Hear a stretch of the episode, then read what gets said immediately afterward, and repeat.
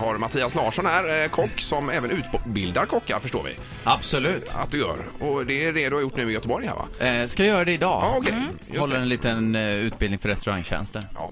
Eh, Vi har ju pratat en hel del om det med, eh, med vardag och så vidare Linda och, och få ihop detta och, och enkla saker att laga till som inte är korv och köttbullar och det här vanliga. Eh, Ja.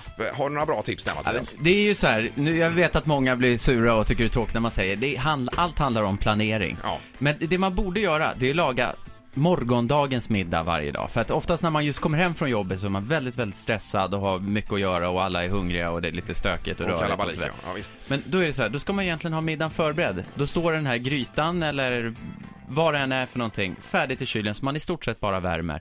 Och sen när man har diskat och käkat upp och sådär. Då varvar man ner genom att gå in i kök och ställa sig och laga morgondagens middag i lugn och ro. Efter Mm. maten då? Efter maten. Jaha. Det här är inte vad du vill höra Linda? Ja, men jag, jag tycker att det är ett bra sätt. Annars sådär, för mig vardagsmat, eh, eftersom ja, jag reser mycket och hit och dit och många gånger kommer jag hem och då är man hungrig och man är stressad och så. Det blir ganska mycket pasta, det blir mycket sallader. Men också, det är också det här med en sallad. Det behöver liksom inte bara vara lite gröna blad, lite tomat och gurka, utan man får vidga vyerna lite och tillaga någon god grönsak och sätta ner.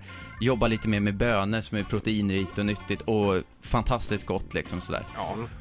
Ja, men det, det låter så enkelt när, när man Ja, hör... eh, eh, för sen när ja. man väl står där bara, vä- eh, de ska iväg på träningar och det är kompisar hit och dit. Ja. Då bara, äh, vi tar köttbullar och makaroner och så Ja. blir det det igen. Ja. Det, det, finns inga annat, det finns ingen lösning på det mer än egentligen det här med planering. Även om det är tråkigt och även om du inte gillar svaret. Men det värsta tycker jag är att laga mat när man är mätt alltså. Det har jag väldigt svårt för själv. Eller Vet jag. överhuvudtaget gå och handla när man är mätt. Det är ju jättesvårt. Men det får man bara göra då menar du? Ja, Alltså, det är så. Jag, jag tror att det är enda lösningen för att vi ska få ihop vår vardag. Eh, men sen för att öka kreativiteten så brukar jag ha några sådana saker. Det är att man varje vecka försöker, ska laga en ny rätt. Man tittar ut ett recept för att laga Ja. en ny rätt. Och varje vecka också går och köper en ny råvara. För jag lovar att det finns så många goda grönsaker eller styckningsdetaljer och annat som ni aldrig har prövat. Och det är ett sätt att öka kreativiteten och få lite större receptbank där hemma och lite sånt där. Som en kronärtskocka kanske en dag. och- Verkligen. En kålrabbe en annan dag och en, kålrabbe rotsallad in. nästa. Ja, Vad gör jag med kronärtskockan om jag väl har fått hem den, undrar jag. Titta på den!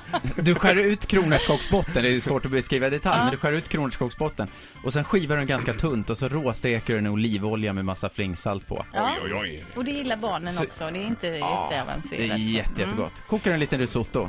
Ja. En risotto, det är inte mer än 25 minuter. Nej.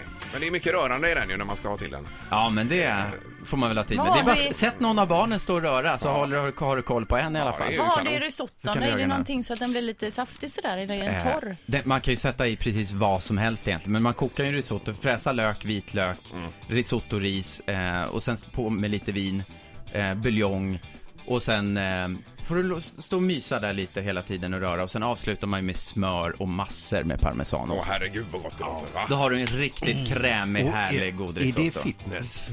Verkligen! Och det kommer vi prata om på tjejresan också, för att jag menar på att man blir snygg av snygg mat. Och jag, ska, ja, jag kommer berätta lite mer om det. Ja, han utvecklar Då. detta. Ja, det är ju fantastiskt. Tänk när jag kommer hem från tjejresan kommer jag kunna laga grym mat också. Fullproppar av risotto är det också. Snyggare, gladare än någonsin. Ja, det är ju Va? fantastiskt. Ett poddtips från Podplay. I podden Något Kaiko garanterar östgötarna Brutti och jag, Davva, dig en stor dos skratt. Där följer jag pladask för köttätandet igen. Man är lite som en jävla vampyr. Man har fått lite blodsmak och då måste man ha mer.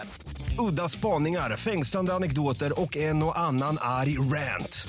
Jag måste ha mitt kaffe på morgonen för annars är jag ingen trevlig människa. Då är du ingen trevlig människa, punkt. Något Kaiko, hör du på Podplay. Därför arkadeinerna.